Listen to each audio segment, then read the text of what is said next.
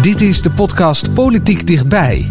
Met Tobias den Hartog en Thomas Brouwer. Dennis Wiersma kan aanblijven als minister van Onderwijs. Nadat hij deze week opnieuw zijn excuses aanbood voor wangedrag tegen zijn medewerkers, geeft de VVD de minister nog een laatste kans. Maar wat betekent dit voor zijn geloofwaardigheid?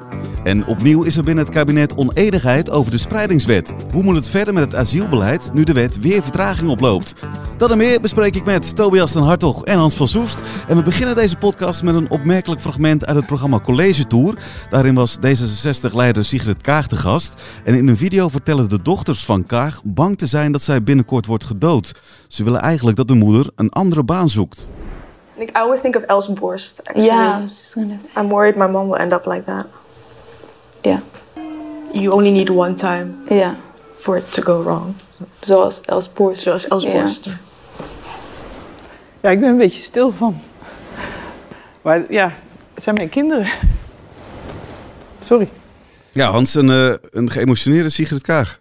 Ja, nou ja, vanochtend eh, bij het eh, binnengaan van de eh, ministerraad blikte ze nog even op terug. En toen vertelde ze wel dat ze echt overvallen was door het fragment. Eh, ze wist dat er een fragment zou komen die haar dochters hadden ingesproken. Maar ze had verwacht dat het iets luchtig zou zijn. Eh, Iets zei over ze zelf. pannenkoeken. Iets over de aangebrande pannenkoeken en de slechte kookkunsten van mama Kaag. Dus ze was wel overvallen, zei ze hierdoor. Dat verklaart waarschijnlijk ook haar eh, emotie. Ik zou nooit een besluit nemen zomaar hier staand of op een mediastoel. Dat bespreken we altijd eerst thuis. Ik ben ook minister van Financiën, partijleider van D66. Ik heb een grote verantwoordelijkheid eh, naar mijn collega's toe, partij eh, en de belofte die we de kiezers hebben gedaan. Maar ik was heel overdonderd eh, door mijn dochters. Ik ben ook heel trots op ze. Als je kijkt hoe het klimaat vergiftigd is, hoe rechters, politici en natuurlijk Geert Wilders voorop al jarenlang in de hoogste vorm van beveiliging, dat we met elkaar het klimaat zo vergiftigen dat het respectloos wordt, dat je mensen kunt aantijgen, dat je beledigen en dat er een glijdende schaal van verergering is die we moeten stoppen. Want welke samenleving willen we zijn? De vraag is ook wel, wat kun je hier dan tegen doen? Ik was eh, maandag eh, in- de rechtbank van Den Haag. Hè. Er stonden een aantal van die bedreigers die eh, die politie hadden bedreigd in het eh, vorig jaar. Stonden daar terecht. En ja, kijk, wat het OM doet is een, drie keer de, de, de straf, zeg maar, vragen die je in andere bedreigingszaken zou doen. Dus heb je normaal gesproken 20 uur werkstraf, vraag je 60 uur. Rechters gaan daar ongeveer voor de helft wel in mee. Eh, dus je kan het zwaarder bestraffen. Je kan het ja, in die zin dus vaker melden, wat politici ook doen. Hè? Want vorig jaar hadden we een record aantal meldingen. eh, eh, 1100 nog wat eh, aantal meldingen. Maar ja, stop je daar helemaal mee? Ik weet Eh, wat, niet. je wel, wat je wel merkt, en dat is wel echt iets van de laatste twee, drie jaar, is dat politici er echt hard tegenin gaan. Dat was in het verleden toch niet. Toen werden politici ook wel bedreigd. Maar werd er eigenlijk een beetje over gezwegen. Ook uit angst eh, voor copycat gedrag en het verder aan te moedigen. Maar wat je wel zag is, eh, Alexander Pechtold kan ik me herinneren, maar ook Sigrid Kaag zelf, ehm, eh, dat ze gewoon ook echt naar de rechter zelf stapten om te zeggen, jongens, ik pik dit niet meer. Dit gaat gewoon echt, echt niet een beetje te ver, maar echt kilometers over scheef. Ja, je hebt natuurlijk Hugo de Jonge gehad en Christian Ja. van der Wal, die allebei hebben gezegd van ja, als mijn gezin op enig moment eh, dit helemaal beu is, dan eh, ga ik nog eens even achter mijn oren krabben of ik dit wel wil. Ja, dat is wel een kwalijke ontwikkeling natuurlijk, zeker in tijden dat politici al eh, schaars zijn. Hè? De, de- het is niet een, een, een meer aantrekkelijke baan geworden. En ja, hoe je dat stopt, ja, niemand heeft daar een toverstafje voor. Nou ja, Hugo de Jonge he- heeft er wel één oplossing voor. En dat is, wij moeten als politiek naar onszelf kijken. Dat is, heeft hij vaker gezegd, dat herhaalde hij vanochtend weer. Hugo de Jonge zegt, er is gewoon een verband aan de, met Ja. intussen de eh, manier waarop wij in de politiek over elkaar praten, hoe we elkaar verdacht maken, eh, hoe we voortdurend het wantrouwen voeden. En vervolgens de reacties daarop op sociale media en mensen gaan bedreigen. En dan weer een stap verder mensen die daadwerkelijk tot daden overgaan. En bijvoorbeeld met een fakkel voor je deur gaan staan terwijl de kinderen thuis zijn.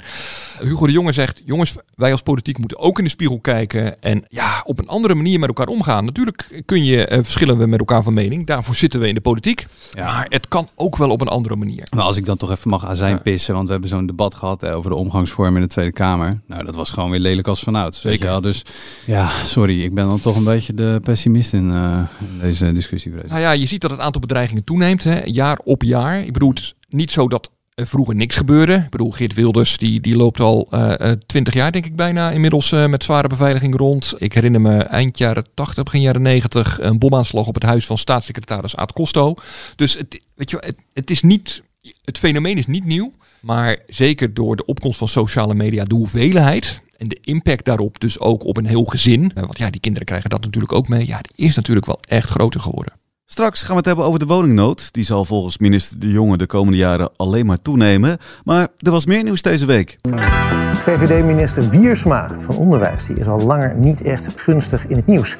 Vanwege de manier waarop hij zich in het verleden heeft gedragen. Na woedeuitbarstingen met meerdere medewerkers van hem zijn die vertrokken. De minister heeft vandaag excuses aangeboden aan de Tweede Kamerfractie van zijn eigen partij. Ik ben vandaag bij de fractie eh, langs geweest om ook eh, persoonlijk mijn excuses over te brengen eh, aan ook voor de medewerkers die last hebben gehad van mijn gedrag. En ook aan de fractie voordat de VVD ook op deze manier door mijn gedrag ook negatief eh, in het nieuws eh, komt. Minister Dennis Wiersma van Onderwijs maakte deze week dus opnieuw excuses voor zijn gedrag. Hij zou op zijn ministerie regelmatig woedeuitbarstingen hebben gehad. Hoe ging hij tekeer dan? Ja, hij zou met deuren hebben geslagen. Hij zou eh, stemverheffing, eh, eh, boos zijn geworden omdat ambtenaren niet deden wat hij, wat hij graag zou willen. Maar heel veel details hadden we tot voor kort niet. Afgelopen zaterdag stond er een stuk in NRC waarin één oud-medewerker eh, die inmiddels voor de gemeente Gouda werkt. eh, die deed de social media eh, voor Dennis Wiersma op het ministerie. Toen hij, heel kort overigens, maar demissionair staatssecretaris voor Sociale Zaken was. En toen zou hij een aanvaring hebben gehad met Dennis Wiersma, omdat hij een, per se een foto online wilde bij een, bij een bezoek aan een school. En die kinderen wilden niet op die foto. En nou ja, toen heeft Wiersma dat toch doorgedrukt. Ja, het, het geeft wel een klein beetje aan dat Wiersma weinig geduld heeft met ambtenaren die tegenspraak geven. Ja, en dat, eh, dat, eh, dat heeft meermaals gebotst. Hij heeft nu excuses gemaakt. Is het daarmee dan klaar? Is het dan over?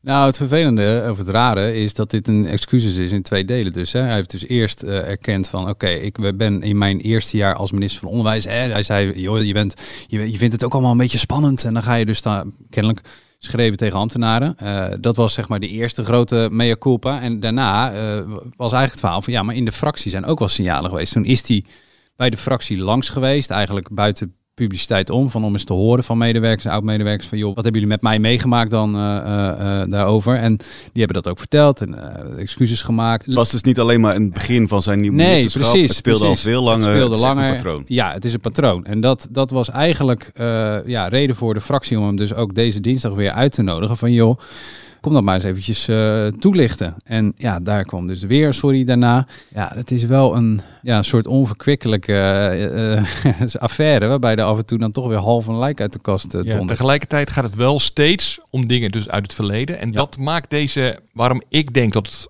dit gaat pas politieke consequenties hebben voor Dennis Wiers, maar als er weer als hij nu nog eens een keer in de fout zou gaan.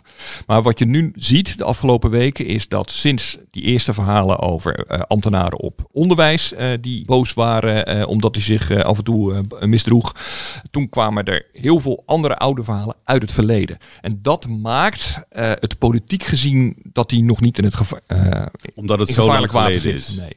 Ja, omdat het telkens weer een herhaling is van verhalen die hij dus al heeft erkend, waar hij al sorry voor heeft gezegd. Dus daardoor hoef je nog niet te verwachten dat Dennis Wiersma ineens uh, morgen zegt van oké okay, jongens, ik stop ermee. Dat gaat pas gebeuren uh, als nu ineens blijkt, ja vorige week heeft hij uh, um, een ambtenaar of een medewerker of in de ministerraad of wie dan ook weer de wind van voren gegeven. Ja, dan is het ja. wel brug te ver. Ja, fractieleider Sofie Hermans die gaf wel deze week aan dat er voorlopig nog voldoende vertrouwen is in de minister. Um, de fractie um, vertrouwt erop dat Dennis alles in het werk stelt om ervoor te zorgen dat dit gedrag, waardoor mensen zich onveilig hebben gevoeld, tot het verleden behoort.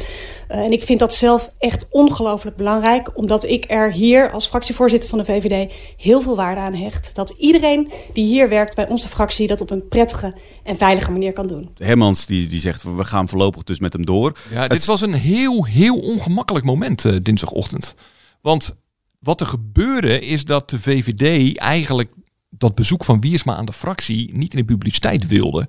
Uh, maar ja, dan moet je hem niet op een dinsdagochtend uitnodigen in de Tweede Kamer, uh, waar allerlei uh, journalisten rondlopen. Dan ziet iedereen. En op. toen dat bekend werd en de camera's gingen posten op de gang, wilde Hermans afhankelijk even niks zeggen. Toen kwam ze toch even een statement afgeven, maar wilden ze weer geen vragen beantwoorden. Het, ze zaten er een beetje mee in hun maag. En zoals ik een, een, een minister uit het kabinet deze week hoorde verzuchten, dit is wel een teken aan de wand voor dat er binnen de VVD, wat echt jarenlang een, een geoliede regeringsmachine was.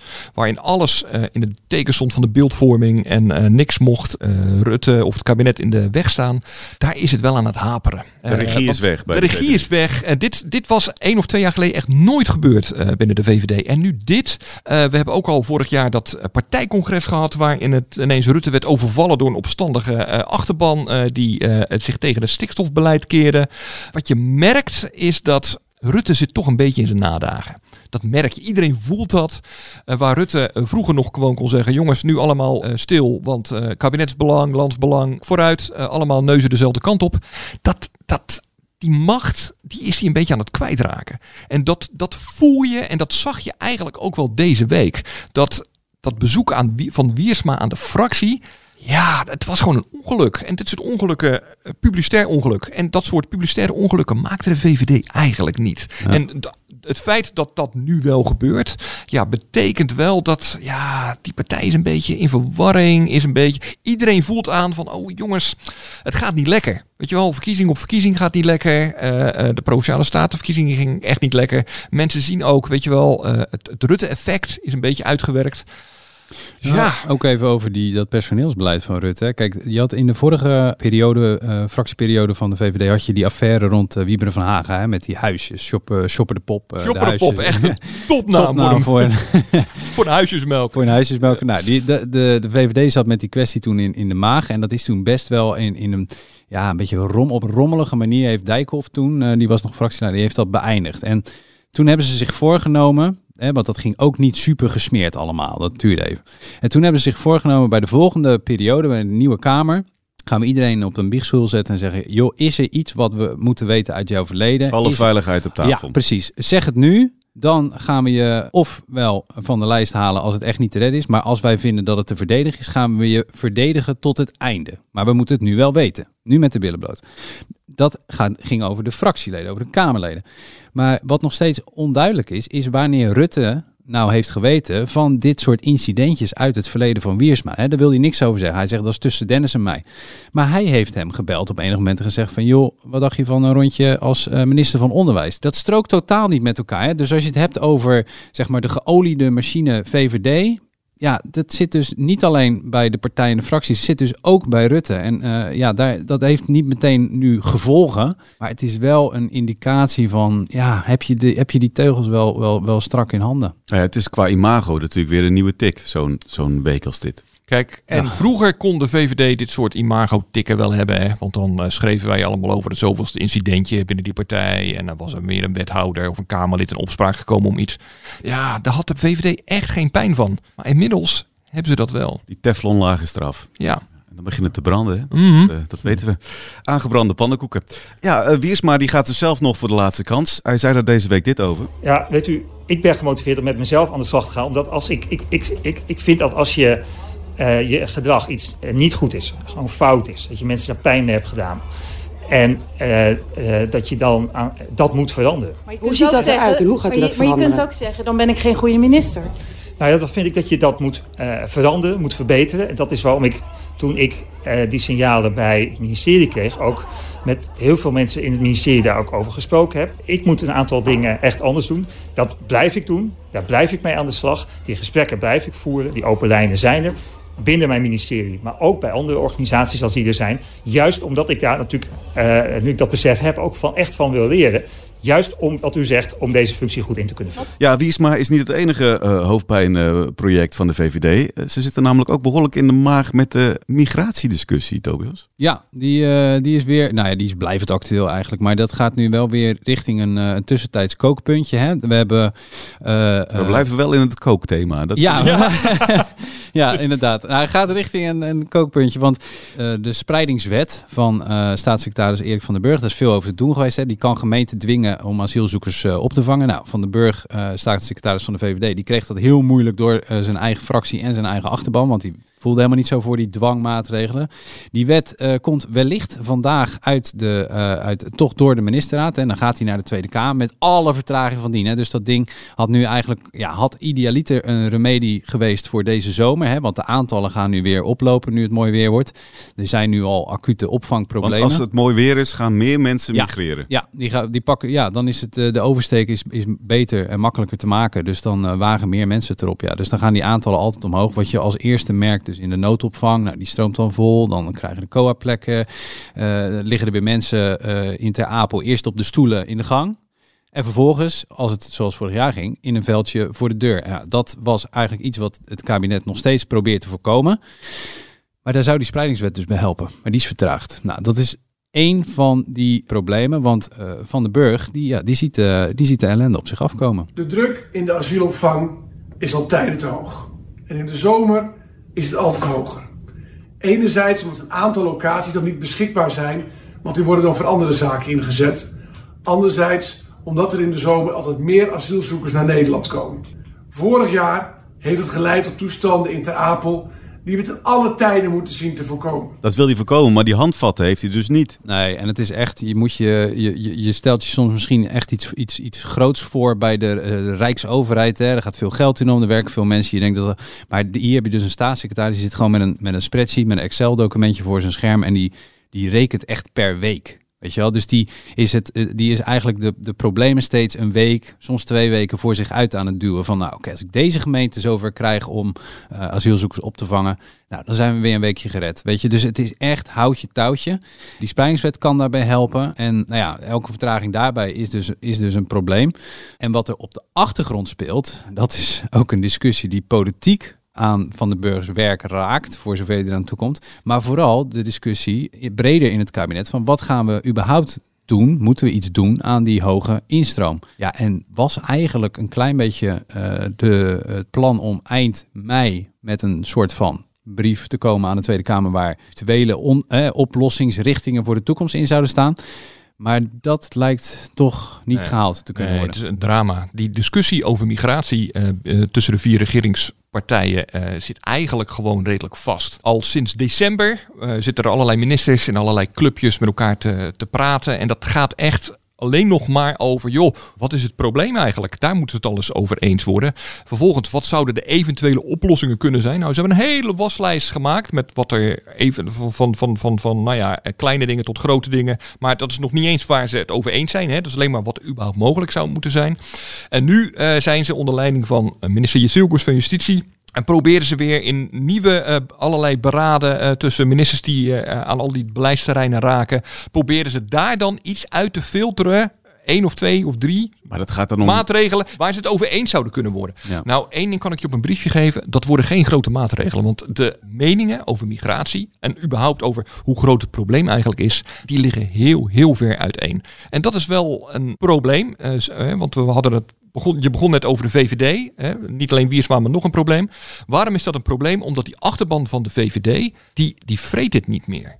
Kijk, jarenlang is Mark Rutte er in de verkiezingscampagne uh, mee weggekomen. Doordat hij dan in de verkiezingscampagne iets heel stoers zei over uh, migratie. Of over asielzoekers. Of over, uh, noem maar op.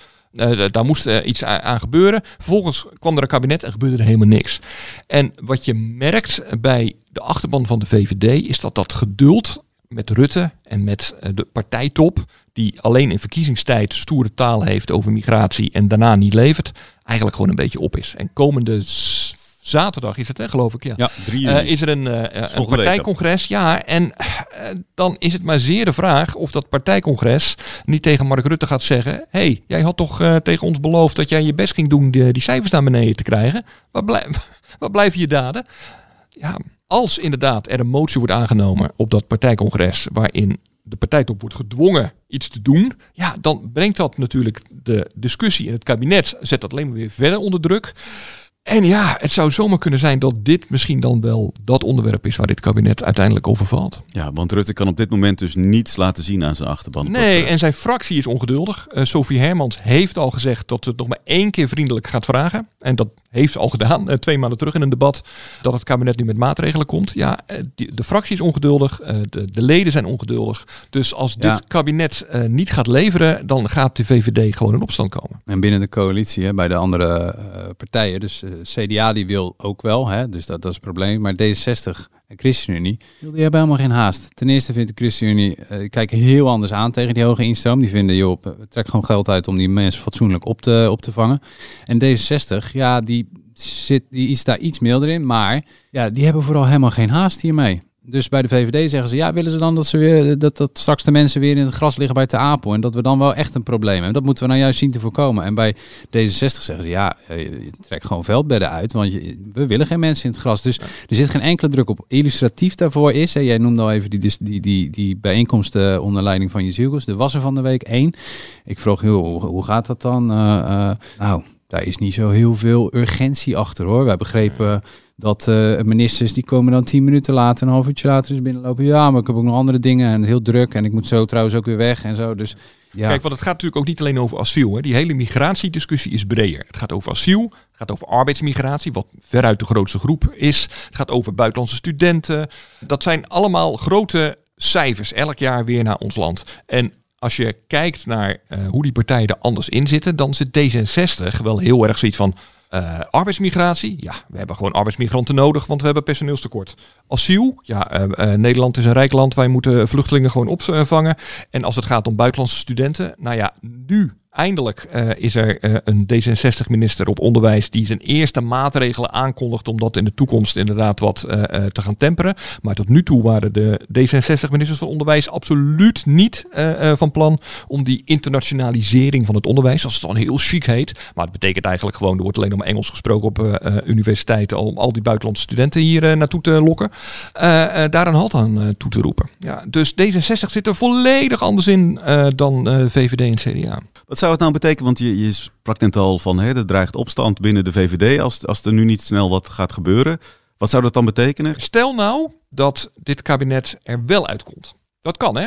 Alleen, ik heb net al gezegd, verwacht daar niet te veel van. Want eh, eh, ze zijn het zo oneens dat als ze het al ergens over eens wordt, dat het echt over de minimale maatregels zou zijn. Dan moet je bijvoorbeeld denken aan eh, dat gemeentes straks, als er een nieuw bedrijf op een bedrijventerrein komt, een soort toets moeten doen of al die mensen die daar komen werken, of daar wel voldoende voorzieningen voor zijn. Dus een soort extra vergunningsplicht of zo. Hè? Zodat er niet in elk bedrijventerrein een groot buitenlands distributiecentrum komt waar al die Polen komen werken. Eh, een simpel voorbeeld. Ja, ik ga je een briefje geven. Althans, dat, dat proef ik nu. Het kan natuurlijk altijd weer veranderen, want wie weet eh, eh, gaan ze wel eh, inschikken. Maar ik ga, zoals ik het nu proef, is dat die VVD Tweede Kamerfractie gaat zeggen: ja, sorry jongens, maar dit accepteren we niet. Wij willen meer.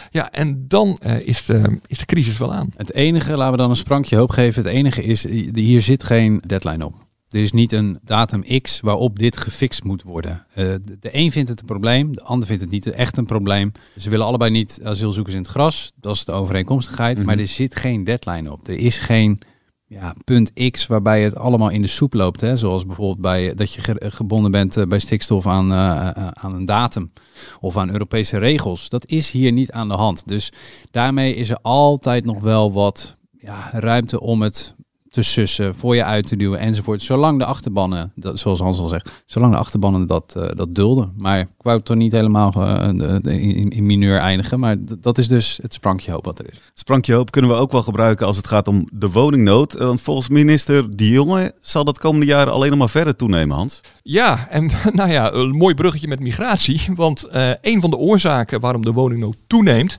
Is migratie. is, nou ja, dat is de enorme bevolkingsgroei.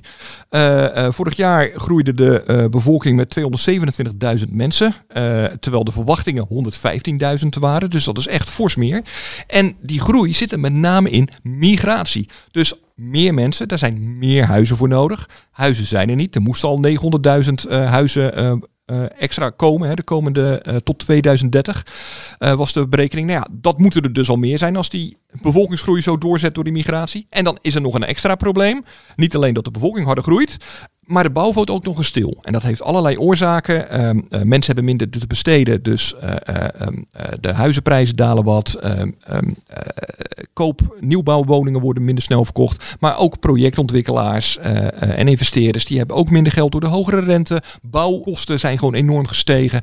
Dus die bouw die, die, die zakt in. Er komen dit jaar al minder, maar zeker volgend jaar echt aanzienlijk minder uh, nieuwbouwwoningen op de markt. Mogelijk tot de helft minder, zeggen de deskundigen. Ja, dan zit je wel met een probleem. Want de woningnood is nu al enorm. Uh, vraag het aan al die jongeren uh, die beginnen te werken en die gewoon uh, met z'n vieren voor belachelijk veel geld een huis moeten delen. of nog bij hun ouders moeten blijven wonen. Vraag het aan al die mensen die scheiden en op een camping moeten wonen. Vraag het aan al die asielzoekers die een status hebben gekregen en recht hebben om hier te blijven. En die in een asielzoekerscentrum moeten blijven omdat er geen plek is. vraag het aan al die studenten waar er geen woning voor is.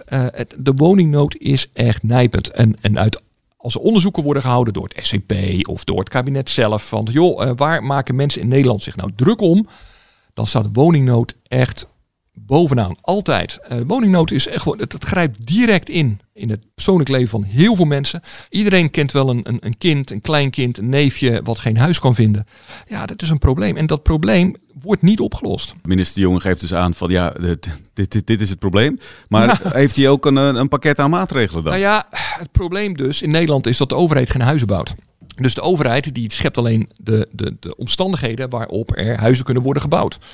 Dus ja, dan moet de overheid afspraken maken. Hè. Ze hebben nu wel een, een soort van subsidie voor, voor allerlei bouwbedrijven. Weet je wat die nu aan het bouwen zijn met nieuwbouwwoningen. En door de gestegen kosten en het personeelstekort krijgen ze de rekeningen niet meer rond. Dus liggen die, die bouwprojecten stil. Nou ja, die kunnen een subsidie aanvragen van de overheid. Uh, ze willen afspraken maken met gemeentes over de kosten van de grond. Hè, want de grondprijs is veel te hoog. Uh, waardoor die huizen die erop moeten komen dus ook veel te duur zijn.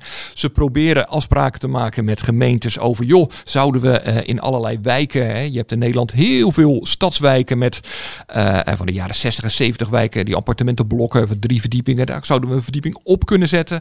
Uh, zouden op sommige plekken uh, braakliggende terreinen tijdelijke noodwoningen kunnen zetten. Dus ze proberen wel allerlei dingen te stimuleren.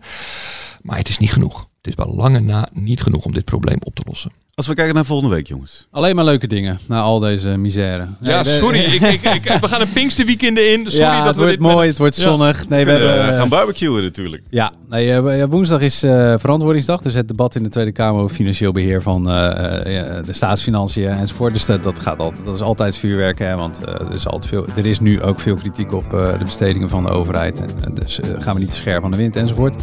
Dus zet die vast in de agenda. Ja, en zaterdag het VVD-congres. Dus dat en wordt ChristenUnie-congres. En ChristenUnie. Waar ze dus ja. precies diagonale uh, ja. tegenover, zeg ik nou diagonaal? Ja, tegenovergestelde, uh, tegenovergestelde uh, diagonale schuin.